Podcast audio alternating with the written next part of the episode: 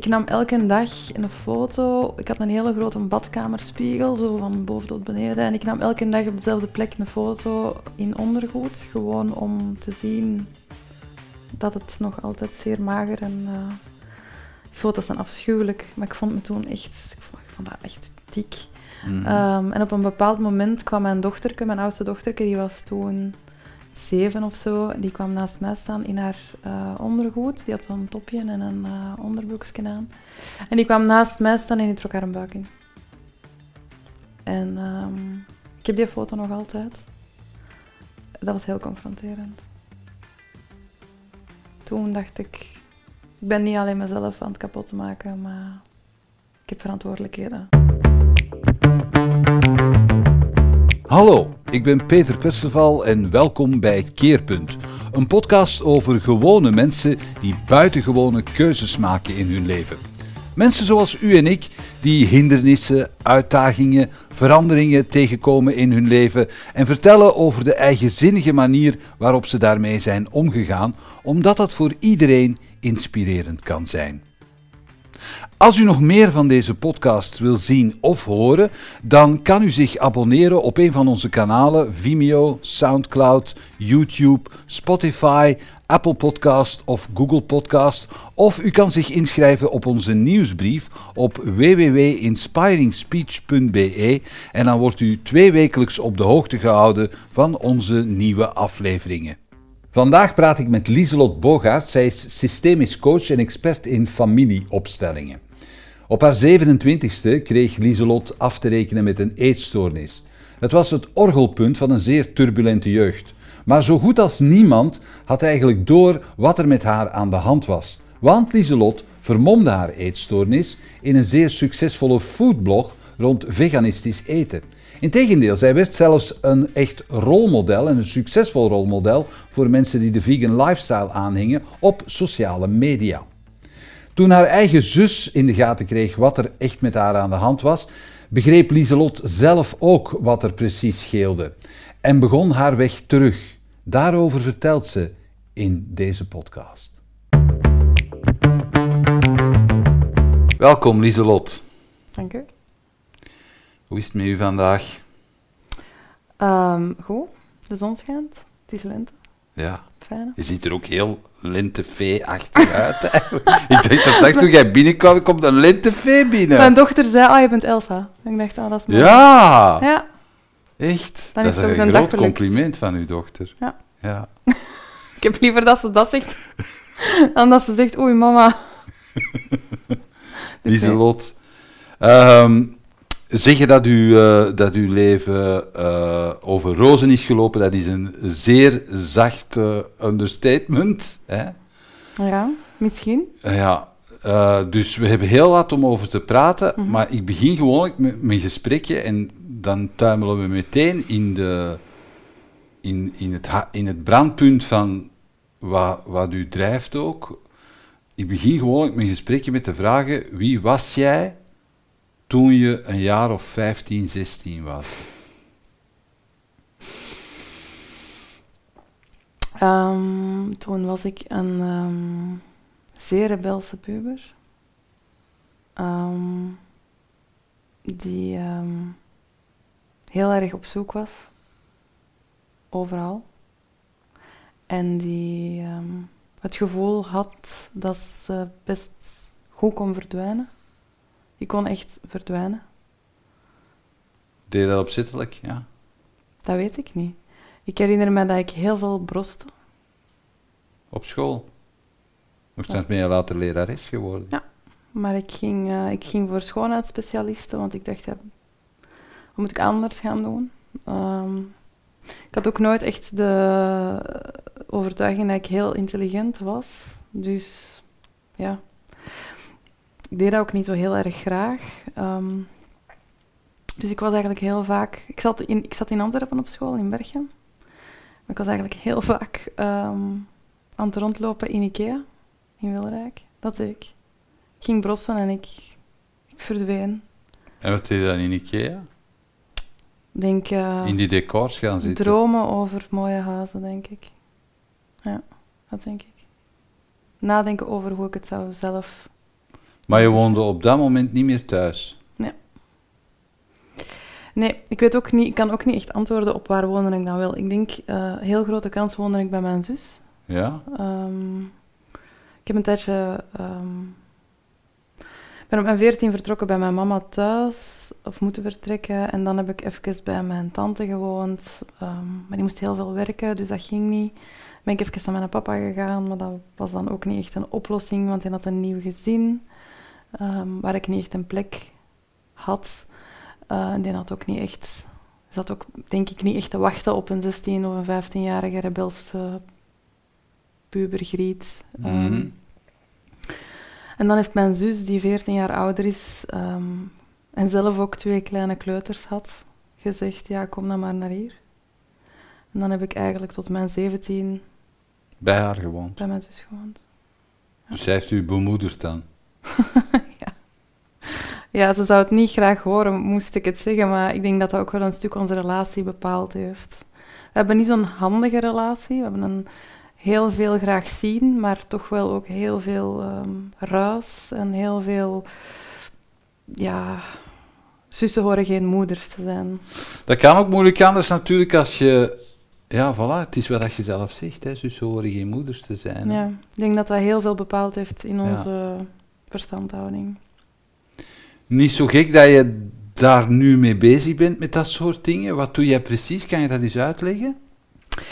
Um, ik vind dat een hele moeilijke vraag altijd als mensen dat vragen, want ik denk, ja, wat doe ik eigenlijk?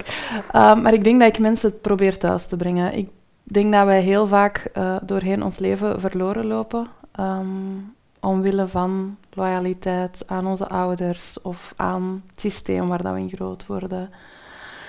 Voilà, je hebt het woord gezegd, systemen. Ja. Dus dat is, uh, je doet systeemopstellingen, ja. heet dat. Ja. Wat moeten we ons daarbij voorstellen? Voor de mensen die dat totaal niet weten wat dat, dat is, kan je dat eens uitleggen? Ja, dat klinkt heel hocus pocus, maar dat is het helemaal niet. Mm um, dus het gaat er eigenlijk over dat mensen um, in een groep bijvoorbeeld samenkomen. Um, ik werk meestal met groepen van 14 tot 16 mensen, mm -hmm. waarbij er drie personen een vraag hebben over hun leven vandaag. Bijvoorbeeld, um, ik heb het heel moeilijk om mensen te vertrouwen. Of ja, ik loop altijd in relaties aan tegen mij onderdanig opstellen. Hoe, hoe komt dat? Ik, ik, ik, herhaal het patroon eindeloos. Ik heb al zoveel therapieën gedaan. Dat kunnen zowel relaties op de werkvloer zijn, als in de privésfeer, als tussen vrienden.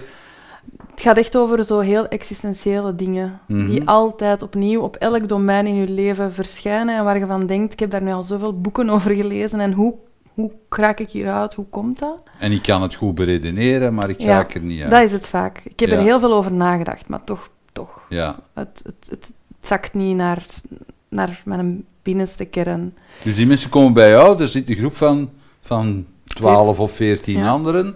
En, en wat doe jij dan? Ja, die mensen die, uh, die vertellen wat hun hier brengt dan. Uh, liefst met zo weinig mogelijk informatie. Dus echt de kern. Dit is mijn mhm. probleem. Hier loop ik tegenaan. En dan um, ja, doe ik een opstelling. Een, een familieopstelling. Hoeft niet altijd over je familie te gaan, maar dat is wel de naam waaronder dat iedereen het kent. En dan zou het kunnen zijn dat je iemand van de mensen die dat daar zit uitnodigt om um, iemand zijn mama te representeren, iemand zijn papa te representeren. Die worden dan in die cirkel ook neergezet. Um, heel vaak kiezen we ook iemand die degene die de vraag stelt representeert. Mm Gaat je niet zelf mhm. die plekje nemen, maar doe iemand anders dat voor u. En heel uh, spectaculair wat er dan gebeurt, want dan um, worden er dingen gezegd, gedaan, gevoeld die um, al lang vergeten zijn, die vaak geen plek hebben gekregen.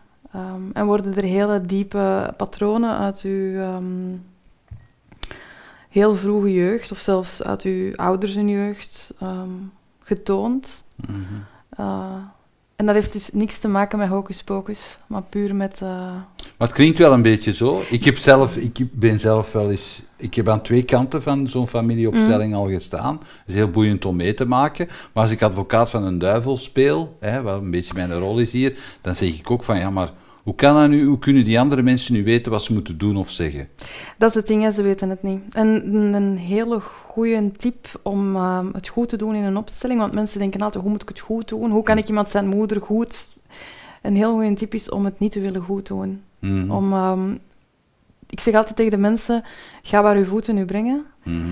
Blijf daar staan. Het gaat ook letterlijk over ruimte dikwijls. Hè? Ja, en vaak zeggen die mensen dan, ehm, ja, ik sta hier goed, maar ik voel mij hier wel heel wankel.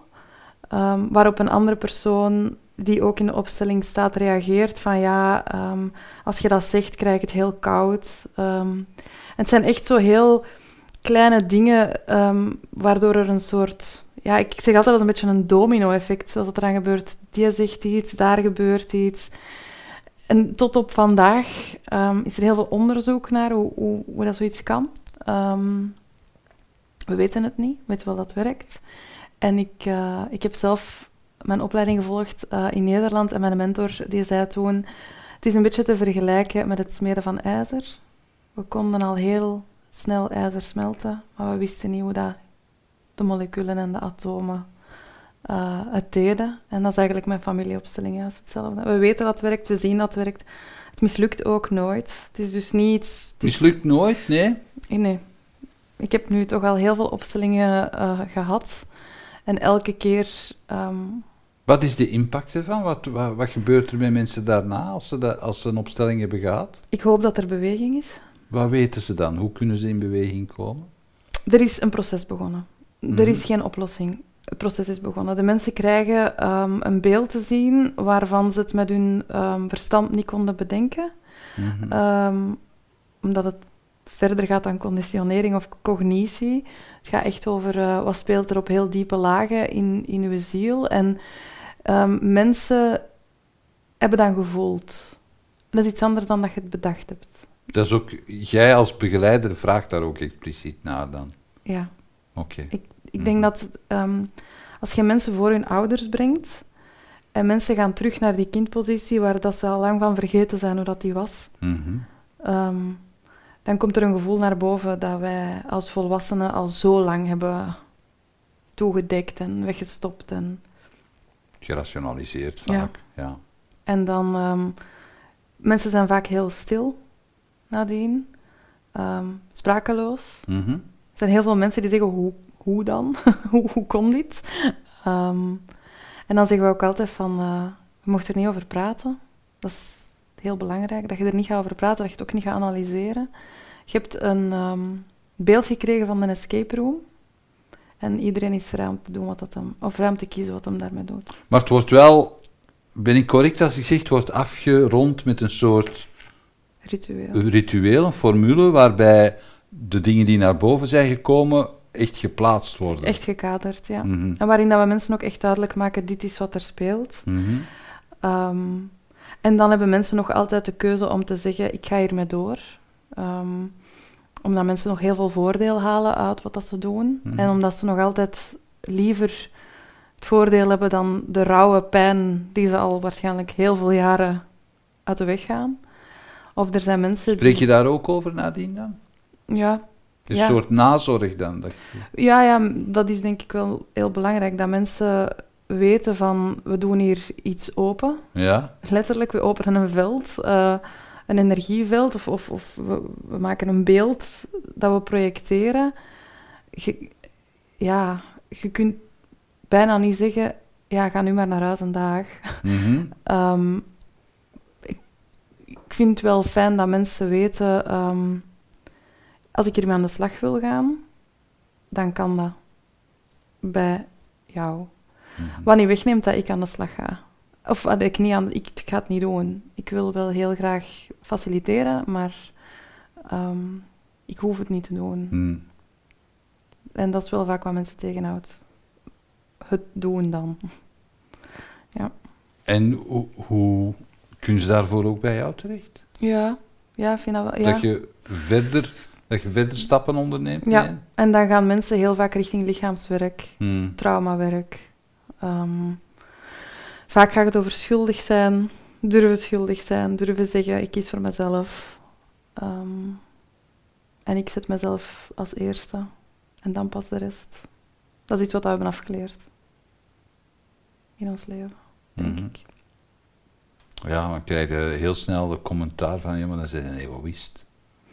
Ja. En ik hoop dat ik mensen ehm, een beetje egoïsme kan bijbrengen. Dat is echt wat ik hoop. dat mensen... ik, ja, ik vergelijk dat heel vaak met een, ehm, een, een kopje. En dan mensen geven, geven, geven, geven. En ik denk altijd, maar als uw kopje vol is, dan ehm, loopt het over. Je kunt alleen overlopen als je jezelf vervult. En daarvoor moet je soms, ja, om deel plat te zeggen, fuck you zeggen tegen iemand Mhm. anders. Dus je, je, je begeleidt niet alleen mensen daarin, je leert mensen dat ook doen. Mhm. Je, je bent zelf lesgever in, Mhm. in opstellingen. Dat is, ehm, lijkt me raar omdat, te- omdat het lijkt me een raar vak om te leren, want je moet heel erg op je intuïtie voortgaan, toch? Als je dat doet. Ehm, eh, ja, en je moet ook vooral heel erg weten hoe zwaar je eigen conditionering in, of eh, eh, jezelf kleurt. En Mm. ik denk dat dat de kern is van onze opleidingen, elke keer opnieuw, om mensen heel erg te confronteren met het feit dat wij denken dat we het allemaal weten, maar dat we echt ehm, ja, op dat stuk moeten gaan staan van ik weet eigenlijk helemaal niks. Hmm. En dat is moeilijk, want wij vinden dat leuk om veel te weten. Dat geeft heel veel controle. En dan kunnen we het ook oplossen. En heel veel hulpverleners willen het graag goed doen en willen graag het oplossen. En ik hoop dat ik in mijn opleidingen het verschil kan maken en mensen ehm, kan meenemen in ik hoef het niet op te lossen en ik hoef het ook niet te weten. Mhm. Energie liegt niet. En ehm, dat is voor heel veel studenten ja, toch wel echt van een afgrond stappen en, en u overgeven aan ik weet echt niet wat er gaat komen. Mhm. Als er 15 ehm, mensen in een cirkel zitten en die hebben allemaal betaald voor een opstelling, om dan de controle durven los te laten, dat is niet niks. Maar ik denk dat dat wel bepalend is voor een zuivere, voor een zuiver beeld. Mhm. Dus dat vind ik wel, ik vind het heel fijn, omdat mensen gaan door heel ehm, intense identiteitscrisissen dan. Want ja, plotseling lijkt niks meer wat het was. En ehm, begint je aan alles te twijfelen. Wie, wie bent je uiteindelijk als, als je alle lagen hebt afgepeld? En dan jezelf terug uitvinden, ik vind dat een hele mooie. Heb je dat zelf ook gedaan? Ik ben nog bezig. Oké. ik denk niet dat ik ooit ga klaar zijn. Mhm. Want daar straks, voordat we begonnen, hadden we het over uw keerpunt. Mhm. En toen kwamen er dingen... Dat, ik ken u nu een tijdje. Je bent een, je bent een boek aan het maken waar ik eh, mag naar kijken. Ja, Naar dat wordingsproces. dat is nog veel woorden. Ja, maar dat is bij iedereen zo. Dat heb je ondertussen wel door. Hè. ja. Dat is niet erg, hè. Ehm, maar ehm, de... ehm, ik schrok nogal van, van, van wat je zei eigenlijk daar straks, omdat jouw, jouw keerpunt eh, is nog niet zo lang geleden eigenlijk. Nee. Nee, ik heb heel lang ehm, heel goed gedaan alsof, denk ik. En waarom? Omdat ik... ehm, Wat deed je alsof? Laat ons daar eens mee, mee beginnen. Wat, wat, wat deed je alsof? ik zou- burgerlijk zijn, denk ik. Ja, Mama zijn. Hm? Mama zijn, juf zijn, burgerlijk zijn, flink zijn. Het eh, perfecte plaatje leven. Ben ik heel, heel lang heel goed in geweest. En had dat te maken met uw, met uw turbulente jeugdjaren dan? Dat denk ik wel. Ik heb heel lang heel hard gevochten om van het etiketje marginaal of raar of... ehm, Was je marginaal? dan? goh. Ik denk, moest ik mezelf zien vandaag, moest ik het meisje van 14 op straat zien, dat ik wel zou begrijpen dat er mensen zouden denken, oei. Waarom? Omdat ik verloren liep. En omdat ik... ehm, ja, mensen die verloren lopen, die vinden soms vreemde entourages. En die komen in... Ja, ik was het meisje van 14 die in de café zat. Ik was het meisje van 14 of van 13 die in discotheken zat. Ik was het meisje van 13 die een tattoo had. Ik was degene die het allemaal deed en had en die, die verdween. En ja, ik was... eh, Was er dan niet... Was ik zou niet niemand... willen dat mijn dochter vandaag... eh, ik, ik zou het bijzonder erg vinden moest mijn dochter vandaag eh, zo door het leven gaan. Ja. Dus, Hoe oud is u de oudste nu? 13. 13, oké. Ja. Maar dat is confronterend. Dat is heel confronterend, want ik heb echt een hele, ehm, hele fijne dochter. Oké. Ja. Goed. Ja, ja. Goed gedaan dan. Ja, ja. Ja, ja. We zijn een heel goed team. Maar hoe, allee, hoe kwam dat dat je zo verloren liep? Omdat er thuis niemand echt wachtte, denk ik. Ehm, mijn ouders zijn gescheiden als ik heel jong was. Ehm, mijn papa had een ander leven. Laat ons zeggen dat mijn papa niet echt, echt deel uitmaakt van mijn leven. Hmm. Wat niet wegneemt dat ik wel wist wie mijn papa was en, en dat we samen kerstmis vierden, maar bleef daar niet meer slapen. Ik, ik, ja, we hadden echt niet echt een band. Hmm. Ehm, hij had een nieuw gezin. Ehm, en mijn mama had haar eigen gevechten te vechten. Hmm. Ehm, ja, en dan is het gemakkelijk om Op de dool te geraken. een beetje, denk ik, ja. Wat niet echt zo voelde. Ehm, want ik had, ik had vriendinnen en, en ik, had, eh, ik had wel altijd een, een- een lief om... eh, dat was misschien nog net het fouten aan alles. dat ik altijd wel een lief had om eh, me te connecteren, maar... ehm, ja, ik was zo het kind dat niet echt een, een, een thuishaven had. En dat Maar stelde zich niemand daar vragen bij Nee. voor de rest? Was er niet op school eh, dat ze zeiden van, tja, wat is dat? Nee. Goh, ik denk dat ik op school... Ik ben eh, drie keer van school veranderd gedurende mijn secundaire school. Mhm. Ehm, en elke keer dat ze misschien te dicht bij de waarheid zouden komen, was ik weg. Ehm, en de laatste school waar ik het langst in heb gezeten, die, eh, ja, die waren daar niet mee bezig. Daar was echt geen, geen ruimte ehm, om dat te doen. Dat, dat, ik was gewoon het buitenbeentje die... Ja, de ambetantriek wat leerde je dan toen? op school. Ja. Toen ging ik voor schoonheidsspecialist. Ja. En hoe, maar hoe was je daar terechtgekomen? Goh, ik was... ehm, Want eerst- je zei wel, kijk, slim hè? moet dat er even bij zeggen. Ja, ja, ja, niet, dat, niet, niet, niet dat je niet slim moet zijn om schoonheidsspecialiste te worden, maar, ah, wel, maar, ja, dus... maar dat is in, in schooltermen denken ze eraf van, ah ja, we gaan die... Maar ik dacht ook dat ik echt niet slim was. Ik denk Ja. dat dat dat was. Ik, eh, want nu, nu zijn we veel verder. Hè. Mijn dochter heeft dyslexie, eh, dat wordt opgemerkt, die krijgt Mm. een attest. Ehm, mijn zoon heeft ADHD, oké, ja, krijgen we daar stiekordie-maatregelen voor. En, Mm. Maar dat was allemaal niet. Ik was gewoon, ja... Mijn les werd, mijn agenda ging niet open s'avonds, maar er was ook niemand die mijn agenda open deed of die zei, hey, zou dit niet werken? Mm. Ik had in tweede middelbaar acht herexamens. Ehm, dat deden ze normaal niet in het middelbaar, maar omdat het zo schrijnend was, ehm, mocht ik het eh, nog eens doen. Dus ik deed niks en er was ook niemand die zei, maak iets van je leven of, of pak je kansen bij elkaar. En ehm, Je had geen voorbeeld ook niet dan? Niemand Goh. naar wie je opkeek, waarvan je zei van, zo wil ik zijn? misschien mijn grote zus wel, maar die was zo groot en zo'n goed voorbeeld dat ik... Wat deed zij? Zij was leerkracht. Oké. Zij was leerkracht lager onderwijs en ze, was, en ze is echt... Ja, ze is mij altijd 14 jaar voor. Hè. Dus, Ja. eh, ze is een grote, een grote madame en, en, en ze bereikte heel veel. En het contrast tussen ons twee kon niet groter zijn. Ehm, dus ja, ik denk dat ik mij gewoon heel erg de, ja, de niet slimme, het niet slimme meisje voelde. En dan eh doet je niks en dan komt je, ja, hoe gaat het dan van een A-stroom, van een ASO, gaat dan naar een TSO en dan ga je nog eens een jaar overdoen. En ja, je mocht dan toch echt wel niet naar die BSO, want ja, dat mocht dan niet. En daar was het, allee, dat wilde ik, dat voelde ik ook wel ergens van. Er waren zo wel dingen dat ik echt dacht van nee, dat mag ik niet laten voorbij gaan. Ik heb ook nooit drugs gebruikt, ook al had ik de kans, omdat ik wist dat wil ik, dat wil ik echt niet doen. Dus ik Ja, had wel zo'n paar.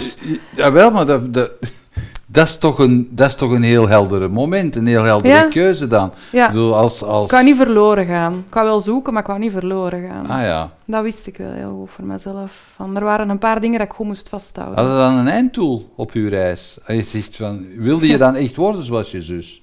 Ja. Oké. Ja. Mama, juf, Mhm. mooi huis, leuke man, hond in de tuin. Daar wilde je naartoe. Ja. En dat heb je ook gerealiseerd dan voor je eigen. Op mijn 17 is mijn eh, papa gestorven. Heel plots, heel snel. Ik was toen op het toppunt van mijn rebelse periode, denk ik. Ehm, en eigenlijk heeft, eh, was dat een eerste keerpunt. Ik heb... ehm, ja, er zijn toen eh, na zijn overlijden een aantal zaken gezegd die mij toch wel redelijk geraakt hebben. En toen heb ik beslist, ik ga het volledig omdraaien. Ik ben gaan studeren. Ehm, Wat werd er dan gezegd? hopelijk komt het goed met ons, Lieselot. En je had dat, ze zeiden dat tegen jou? Of, ja, Ja, er was een ehm, moment tijdens zijn uitvaart waarin eh, de vier kinderen, want mijn papa heeft nog twee kinderen bij zijn andere, eh, bij zijn nieuwe vrouw, mijn broer en mijn zus. We zijn eh, vier, we zien elkaar heel graag, dus dat is zo echt, we zijn broers en zussen samen. Mhm. Maar die waren nog heel klein en er werd gezegd, ja, met mijn grote zus ging het allemaal heel goed. En hopelijk komt het met Lieselot ook goed. En dat was, eh, ik weet nog, dat was in een volle kerk. En dat, ik ga die moment nooit vergeten. Dat was misschien wel de moment waarop ik dacht, en nu ga ik recht staan. En dan ben ik ehm keihard gaan studeren. En iedereen viel van zijn stoel, want ik studeerde af in de in, secundaire school met onderscheiding. Wel in een TSO, hè. Mhm. maar voor mij was dat toen echt zo. En dan zei ik, ja, ik wil ook leerkracht lager onderwijs gaan studeren, net als mijn zus. En dan eh, waren er heel veel mensen die zeiden, maar dat ga je toch nooit niet kunnen. En ehm, ja, ik heb dat wel eh, ze- zeer vlot eh, afgehandeld. Oké. Dat was een, er, er ontstond een, misschien nog wel een meer rebels kantje. Voor jezelf te bewijzen. Ja, Mhm. en dat zit er nog.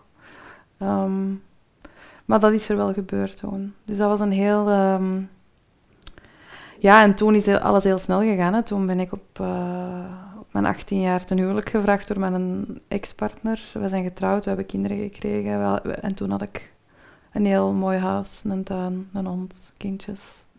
Voor ik het wist, was ik er. En ik was 23. Uw gebeden waren verhoord. Ongelooflijk. Ja, het ging zeer snel. Ja. Ja. Maar ze zeggen in het Chinees altijd, als de goden u willen pesten, dan, geven ze, dan vervullen ze uw wensen. Hè? Ja, blijkbaar. Dus dat was, dat was ook bij jou dan. Ja, goh, het is grappig. Ik las gisteren nog een quote en daar stond in van... eh, gelukkig ben ik niet geëindigd met wat ik wilde. En ik denk... eh, ik heb die opgeslagen. ehm, want dat was grappig, want blijkbaar was het dan toch niet dat. Ehm, maar ik had wel echt... Dat, dat was net het moeilijke, of de paradox. Hè. Ik, ik kon alles afvinken. Elke checkbox. We gingen elk jaar een maand eh, naar Azië met de rugzak, met de kinderen. We hadden een auto. Iedereen had zoiets van wat een droom gezien. En ik was doodongelukkig. Ik dacht, Maar dacht je dan dat aan jou lag? Na alles wat je al had meegemaakt? ja, wat dat ze vooral zeiden, hè, van het is nooit goed genoeg. Ehm, je moet altijd, altijd lastig zijn. Ik denk dat dat zo wel de boodschap is dat ik uit mijn rebelse periode had meegenomen. Van nu is het nog altijd niet goed. Bent, je moet nu weer de ambetantrix zijn, moet je nu weer ontevreden zijn. Doe harder je best. Hmm. Maar ik was echt oprecht ehm, heel ongelukkig. Hmm. Ehm, maar ik kon niet thuisbrengen. Waar het vandaan kwam. Nee, Hoe heb je dat ontdekt dan? Omdat ik verliefd ben geworden op iemand anders. ja, en dat was wel... eh, Maar er was nog wel iets tussen ook. Ik bedoel, je hebt, je hebt echt... Je, zei, je, je, je hebt dat straks verteld dat je echt nog in de bewustwording van oei, hier is iets serieus mis, dat heeft u echt gelijk een, eh, een vuistslag getroffen. Wat gebeurde er met u? Ik ben ziek geworden. Wat Eh, had je? Een eetstoornis. Dus ik ben op mijn 27 ehm, echt opgestaan en dat was daar. Dat, dat was niet sluimerend of, of misschien was dat wel, maar ik heb me daar niet bewust van Hoe, geweest. u- hoe uitte zich dat? Wat gebeurde er? Ik kon dagen zonder eten. En dat werd een spel. En dat werd een heel... Ik weet dat ik op een bepaald moment zei... Ik heb een meisje in mijn hoofd en die is zwart. En het is een heel zwart zo... Een karikatuur van het meisje uit de ring. Ik heb die film nooit gezien, maar ik weet wel dat daar zo'n meisje uit een put kruipt. En eigenlijk Mhm. leek ze daar wel op. En, ehm, en die stond naar mij te kijken en die lachte. En die had mij naar de greep. En... ehm, die maakte dat ik eh, ja, echt een spel kon spelen met mezelf. Ik kon eh, dagen niet eten en ik kon... eh, ja, hoe, Maar heel ook- veel controle was dat. Ook daar weer had niemand dat in de gaten Nee, dan. nee, want ik werd vegan en ik kon dat heel mooi inpakken. Ik had een super succesvolle vegan foodblog. In die tijd een van de eerste van Vlaanderen, want dat was 2015, dan was dat heel hippie. En eh, ik had ook hele lange dreadlocks, dus dat paste helemaal in het plaatje. Ehm,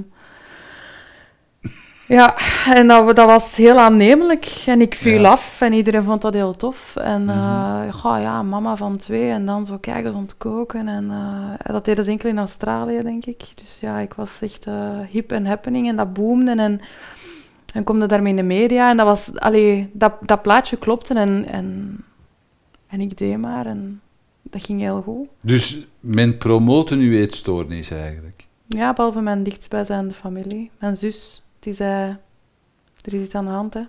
Maar ik zei, nee, ik ben gewoon vegan. Die had dat wel door. Ja, ja. M- mensen rond mij hadden het door. Ehm, maar ja, van mijn zus nam ik het niet aan. Want zij was inderdaad de moederfiguur waar ik niet op zat te wachten. Dus ik dacht, ja, kom. Eh allee, stop, laat me gerust. Ehm, dus dat was ook heel moeilijk tussen ons, hè, omdat ze zag wat er aan de hand was, maar ik wilde daar dan absoluut niet over spreken. En eh, ja, je bent ook 27, je denkt, dit gaat mij toch niet... Ik, ik heb geen eetstoornis, dat is iets voor 14-jarigen of zo, maar toch niet als je mama bent van twee kinderen. En, en, allee, en dan ben ik zwanger geworden van mijn derde kindje. En als ik nu erover nadenk, ik, ik, heb, ik zei tegen de gynaecoloog, ehm, ik ga niet op de weegschaal staan.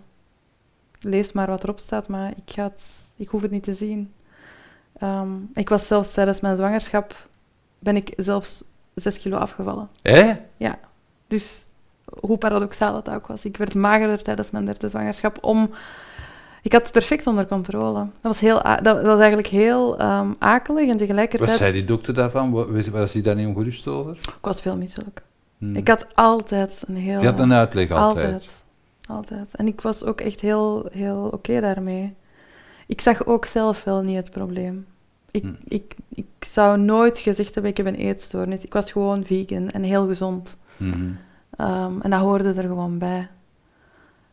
Eh, en ondertussen zakte je gewoon verder weg in een moeras van leugens en jezelf dingen wijsmaken. En, Hoe lang heeft dat geduurd? Drie jaar, denk ik. Ja, drie jaar. Dus je kind is dan geboren en dan ben je nog verder gegaan? Ja, ja. En dan, eh, dat ging goed, want ik ging eh, in bijberoep eh, kooklessen geven. Ik was ook altijd met eten bezig, dus dat was de, dat, dat was de, de, de mindfuck een beetje Mhm. erachter. Ik was altijd met eten bezig, ik was altijd aan het koken, ik was Mhm. altijd recepten aan het ontwikkelen, ehm les aan het geven over eten, maar ik Mhm. at nooit. maar dat zag niemand, want ja, die zullen altijd met eten bezig. Dus dat ging eigenlijk redelijk vlot. Wanneer is bij u Frank gevallen dan? Van, oké, ja, er is iets mis met mij. Ehm, ik nam elke dag een foto. Ik had een hele grote badkamerspiegel, zo van boven tot beneden. En ik nam elke dag op dezelfde plek een foto in ondergoed. Gewoon om te zien dat het nog altijd zeer mager en... die foto's zijn afschuwelijk, maar ik vond me toen echt... Ik vond dat echt dik. Mhm. Ehm, en op een bepaald moment kwam mijn dochterke, mijn oudste dochterke, die was toen zeven of zo, die kwam naast mij staan in haar eh, ondergoed. Die had zo'n topje en een eh onderbroekje aan. En die kwam naast mij staan en die trok haar een buik in. En ehm, ik heb die foto nog altijd. Dat was heel confronterend. Toen dacht ik, ik ben niet alleen mezelf aan het kapot maken, maar ik heb verantwoordelijkheden. Maar je wist wel, ik ben mijzelf aan het kapotmaken. Op dat moment besefte Aan wat, wist, aan wat voelde je dat? Aan wat wist je dat? als je... Ik had constant kou. Mhm. Mijn haar viel uit.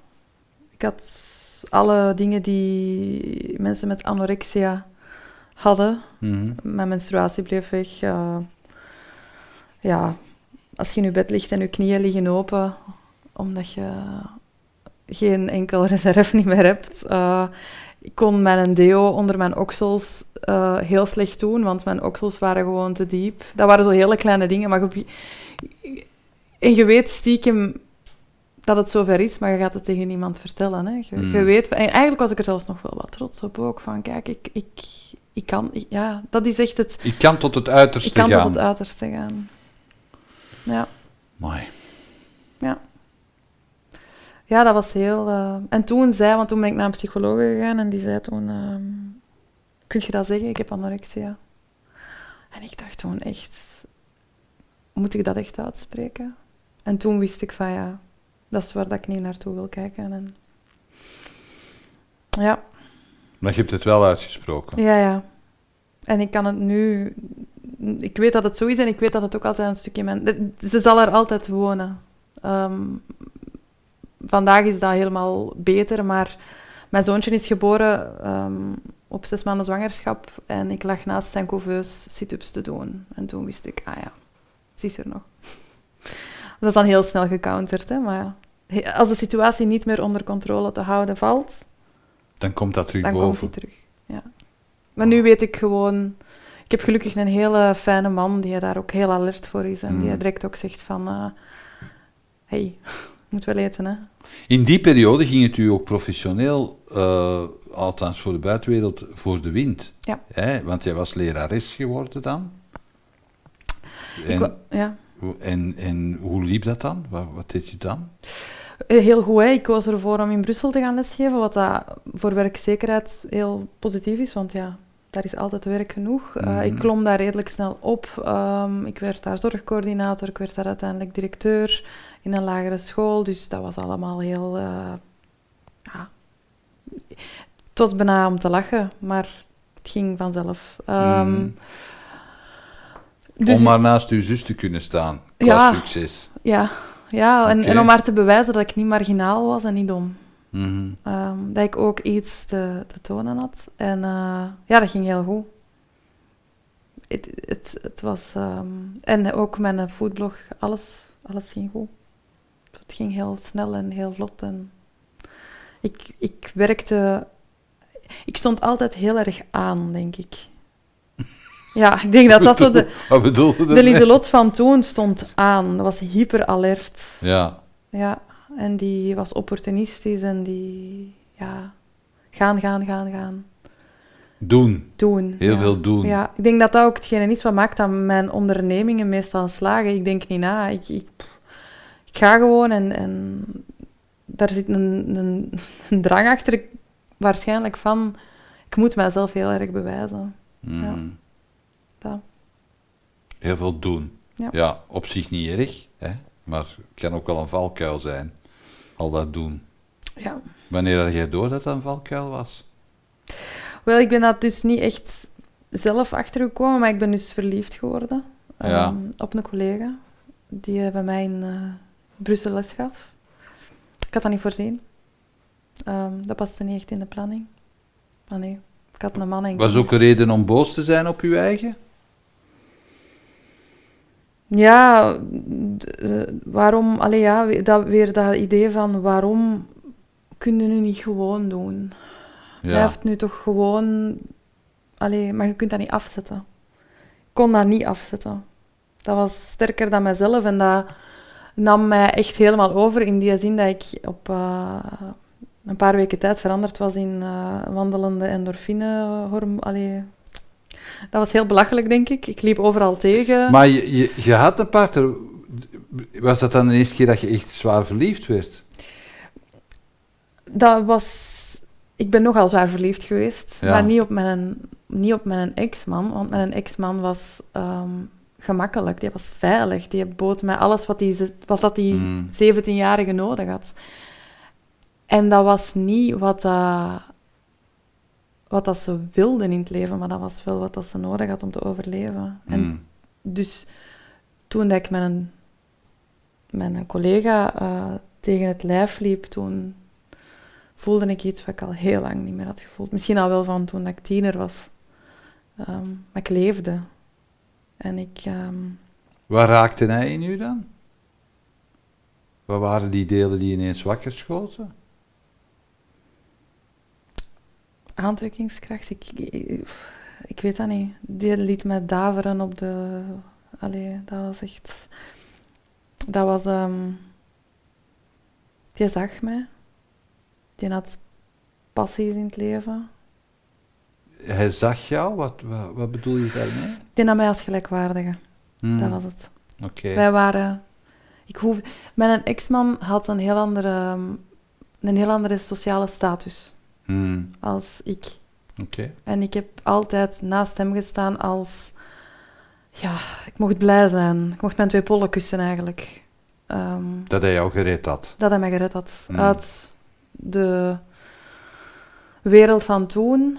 Maar mijn collega en ik, wij zijn begonnen met gelijkwaardigheid. Ik- Die had mij niet gered. Wij waren gewoon hetzelfde.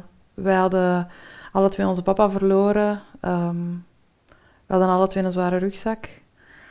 Wij konden s'avonds op het terras naar de sterren zitten kijken, uren. En echt gesprekken voeren over het leven. Hmm. Dat is iets wat ik in mijn andere relatie echt niet had. Er was, er was niet echt diepgang. Er was gewoon, ja, hoe gaat dat? Getrouwd en je krijgt kinderen. En voordat je het weet, denk je, wie zeg je eigenlijk? En in mijn man nu, want ik ben uiteindelijk getrouwd met mijn collega, Mhm. daar, daar kwam ik thuis. Geeft hij nog les? Ja, maar niet meer op die school.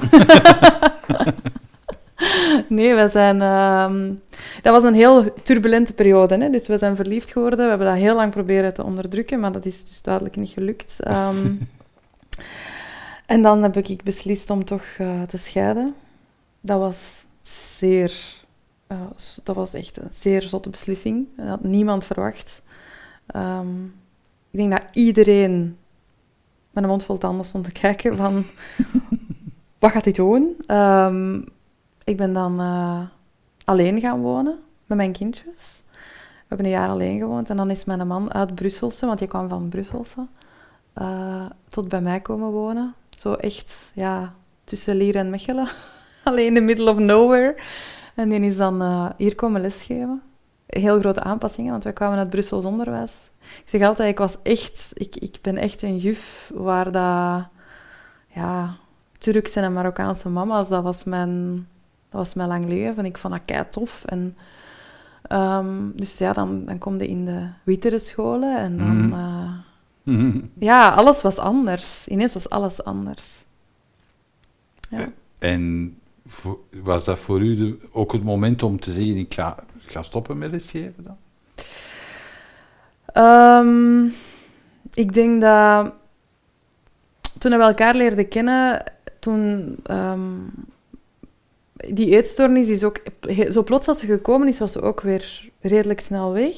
Dus ik heb daar drie jaar echt mee gestruggeld en dan gescheiden en dan was dat weg. Dat was heel raar. Maar en, en had je dat tegen je man gezegd, tegen je huidige man gezegd dan? Ja, ja, die kon, ook, kon daar ook niet naast kijken. Dus die heeft dat ook wel zich echt luid op afgevraagd van wat, wat is er aan de hand met u? Hmm. Waarom ben je zo mager? Ehm, want je kunt dat onder kleren wel wegsteken, maar op een bepaald moment moet het toch wel echt onder ogen komen hoe mager dat je partner is. En die zei ook van... Dus die eetstoornis is dan weggegaan. Ik ben dan ehm, zwanger geworden van... Allee, nou, we zijn samen geweest en dan ben ik zwanger geworden van ons gemeenschappelijk kindje. Mhm. Die is dan veel te vroeg eh, geboren. En in heel dat proces... ehm, ja, dacht ik... Ik wil meer dan lesgeven. Ehm, ik, wil iets, ik wil echt een verschil maken. Ehm, Hadden hadden die de indruk dat je dat kon doen in, voor de klas? Jawel, maar ik wilde denk ik nog meer. Ik wilde echt mensen inspireren. Ehm, ik kwam ook een vrouw tegen op dat moment die zei van... Je hebt ook meer te geven. Je hebt niet voor niks een zot eh, leven opzitten. Je moet daar iets mee doen. En dan kwam ik in de wereld van de persoonlijke ontwikkeling. Hmm. En ja, het systeem is... Mijn verhaal had zoveel systemische elementen in zich dat ik heel snel into ehm, opstellingswerk zat. En Ja, vertel. Eh, Je zegt, het had heel veel systemische elementen. Een van de dingen in de, in de familieopstellingen is dat ze ook zeggen van, je gaat eigenlijk eh, de dingen die in je leven spelen, dat gaat tot zeven generaties terug. Letterlijk zit dat in je lijf allemaal. Hè? Ehm, hoe, wat voor dingen zijn jij allemaal tegengekomen dan? Ehm, ja, ik denk dat er zijn ja, heel veel ehm, elementen in de lijn van, mijn vrouw, van de vrouwen. Dus mijn moeder, mijn grootmoeder en verder, die, ehm, die toch wel heel tekenend zijn. En dat zijn ook heel vaak reacties. Dus dat hoeven geen dingen zijn die weer, wederkerend zijn. Hè, maar Mhm. Mijn vrouwenlijn is echt heel afhankelijk Mhm. van een partner. Ehm, er zit ook heel veel. ehm, mijn eigen mama heeft een eh, misbruikverleden. ehm, waar nog altijd geen schuld voor genomen is. Hoewel dat die persoon dat dat gedaan heeft nog altijd wel rondloopt. En ondertussen al stok oud is, maar wel leeft. Ehm, waarin dat ik bijvoorbeeld nog altijd heel erg het gevoel heb... En zij praat daar wel over. Zij zegt daar iets over. Mm, Nee. Ja, ik weet dat dat gebeurd is, maar Mm. einde dan. Mm. Ehm, maar dus het, eh, het, het is mijn schuld dat het gebeurd is. Ik denk dat dat zo wel iets is wat heel erg in onze lijn van vrouwen is. Het is mijn schuld. Ehm, ik moet het goed maken en ik moet mij ten allen tijde plooien naar ehm, de grillen van de mannen rond mij. Maar je hebt zelf dochters. Twee. Dus ja, allee, in, in, in heel dat gebeuren van de systeemopstellingen zeggen ze ook, ja, het is uw verantwoordelijkheid om die cirkel dan te doorbreken, om dat patroon te doorbreken. Hoe doe je dat? Ehm, dus ik denk dat daar een, mijn scheiding het hele grote, de hele grote ehm, schaar was om de navelstreng door te knippen. De eerste misschien. Ehm, want ik ging niet scheiden. Hmm. Ik was ehm, financieel afhankelijk. Ik was ehm, de mama die, die het niet ging redden. Ik ging mislukken. Ik ging onder een brug slapen. Ik ging, ik ging alles kapot maken. Dat waren echt zo de dingen die, die heel diep waren ingebakken van... Je geloofde dat zelf? Ja, ja, ja, ja, echt. Dat, pff. Mijn man zei dat ook. Van als je dat gaat doen, je, je gaat er niet Uw komen. toenmalige man. Ja, je gaat er niet komen. En, Mhm. en allee, je hebt mij nodig. Mm. Ehm, en ik geloofde dat ook heel... Ik, allee, als ik daar nu over terugkijk, dan zou ik zo graag die Lieselot gaan wakker schudden en zeggen van... Kom aan, kind. Hoeveel jaar heb je dat geloofd? Zo... Ja, echt gehypnotiseerd geloofd. Maar aan de andere kant, hadden, als, ik, als ik luister naar uw verhaal van daar straks over uw jeugd, je waart ook wel opgegroeid in schaarste. Ja, Ik bedoel, dat, dat was wel reëel, dat zat in uw leven. ja, ja. Kun je dan zeggen van ja, dat gaat zoveel generaties terug? Ehm, schaarste denk ik op zich niet. Wij zijn, mijn familie is zeker niet een familie waar schaarste zat. Ehm, ik denk dat mijn mama het niet nodig zijn zit in onze vrouwenlijn. Oké. Ja, je bent niet nodig. Ehm, je, ja, overleeft maar. We gaan...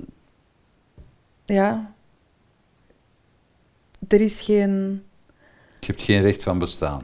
Er is, ja, ik denk dat dat, dat heel erg is. Je hebt nergens van bestaan en er is ook geen moeder, ehm, geen moeder waar je op kunt terugvallen. Hoewel dat die er wel is, hè. Hmm. Want, allee, mijn mama is er, maar mijn mama is er ook niet. En mijn mama, haar mama was er, maar die was er ook niet. Ehm, ik denk dat wij allemaal een beetje verloren, verloren lo- lopen en verloren liepen. En naast het, het uitstappen uit uw eerste huwelijk, wat waren zo de andere dingen die ervoor zorgden dat je breekt met dat patroon dan? Ehm, kleur bekennen, denk ik. Als in, eh, ik heb altijd me heel erg geschaamd over de rebel. Die kon, kon die niet uitzetten, hè. Die Hmm. was er, hè. Die, die, die deed rare dingen en die was niet klassiek of burgerlijk. Ehm, dus ik heb die heel veel jaren weggestopt. Ehm, in de hoop om toch maar, zoals mijn zus, was zo erg als mijn zus te zijn. Ik vind het nog altijd heel confronterend om dat te zeggen, maar dat was echt wel zo'n stil verlangen.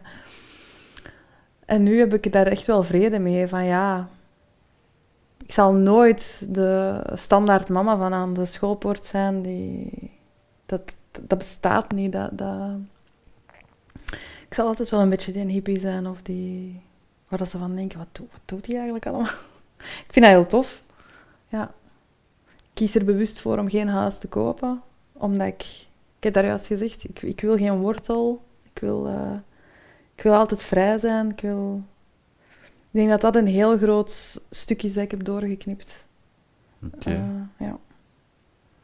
En nu, als je daar, als je daar nu op terugkijkt, wat, wat, wat is zo de grootste, alleen naast de ontmoeting met je, met je nu, Mm.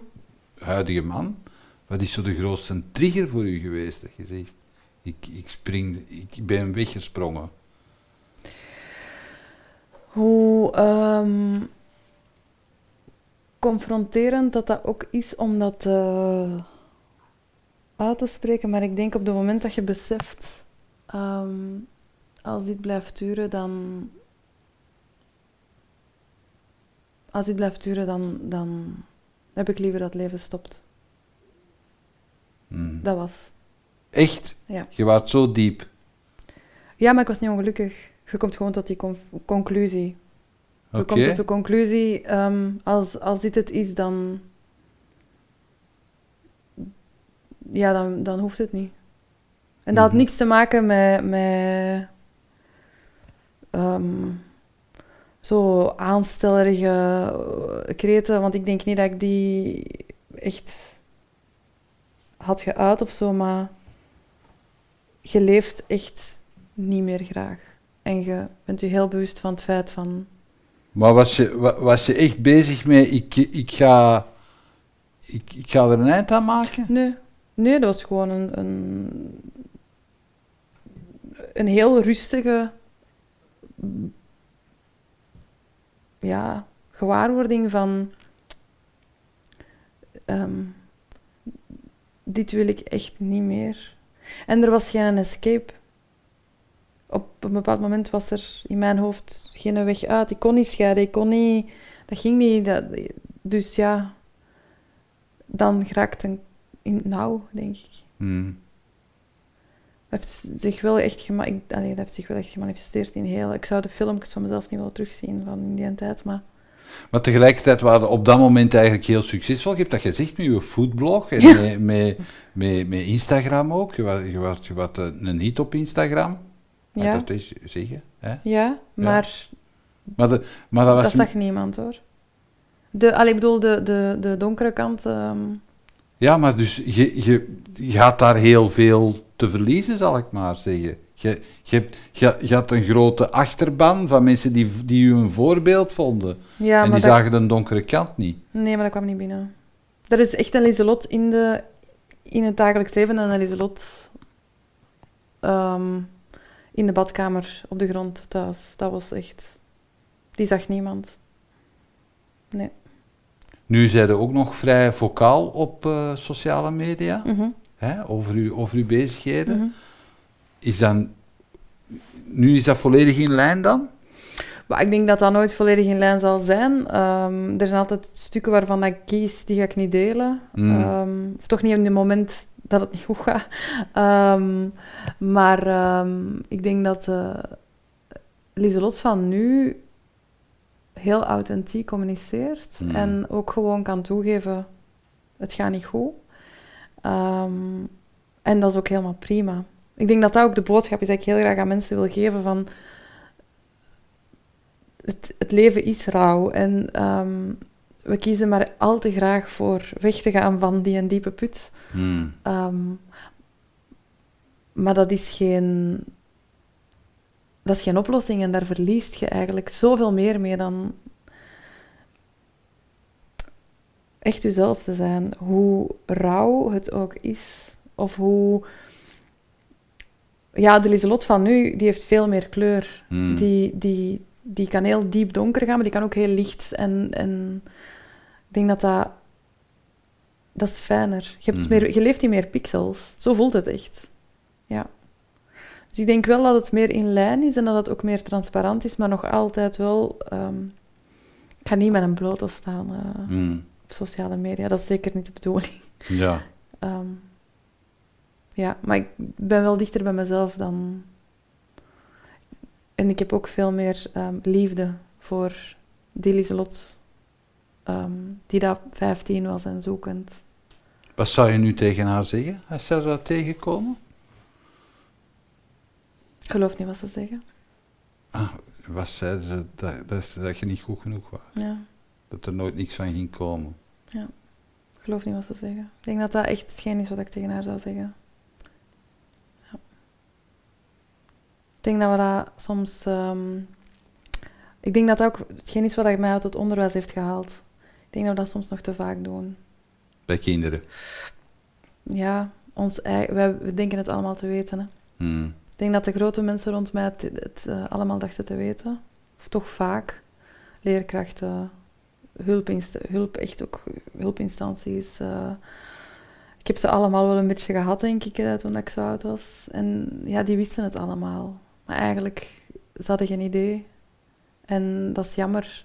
Want ik voelde mij heel, heel eenzaam. Hmm. Maar ja, je hebt alleen maar de grote mensen. Hè? Als, als je 14, 15 bent, dan...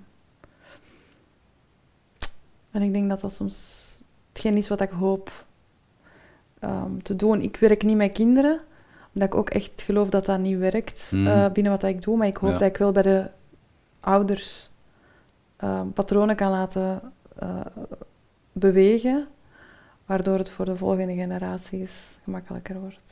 Je bent nu een boek aan het maken daarover. Ja, dat is keizot,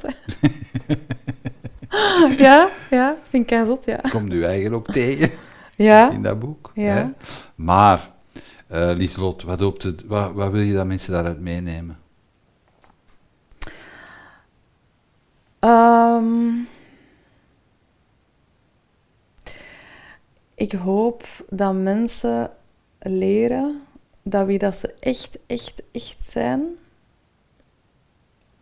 diegenen dat ze vaak al vaak lang vergeten zijn, dat dat echt het meest waardevolle is dat ze kunnen zijn. En ik hoop dat ik mensen kan meepakken naar dat goud dat in elk van ons zit, Mhm. maar wij nog veel te vaak schaamte of angst over hebben. Maar daar zit zoveel potentieel altijd. Ik zie dat in mijn opleidingen en ik denk altijd van een grote schoon mens. Het leven heeft ons zoveel wijsheid geleerd.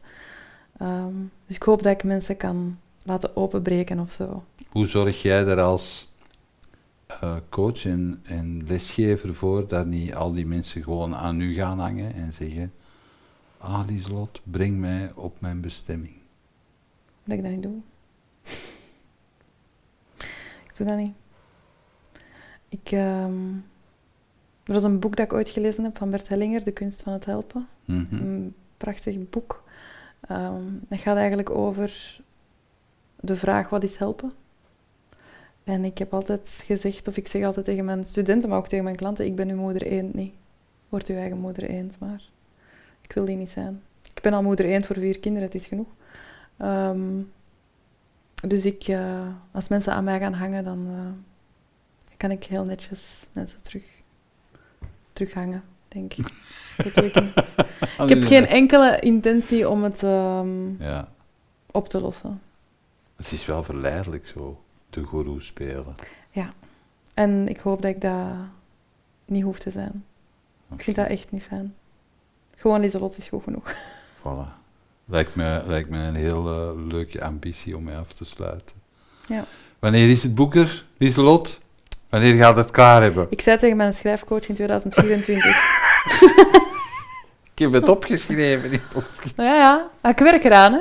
Ja, Ja, komt helemaal goed. Ja. Kijk er naar uit. Bedankt voor het gesprek. graag gedaan. Dankjewel. Dankjewel. Bedankt dat je keek naar deze aflevering van Keerpunt. Wil je op de hoogte blijven van nieuwe afleveringen en nieuwe interessante gasten? Abonneer je dan op onze nieuwsbrief via www.inspiringspeech.be. Iedere twee weken brengen wij een nieuwe aflevering online op inspiringspeech.be, YouTube, Vimeo en Soundcloud. Tot ziens.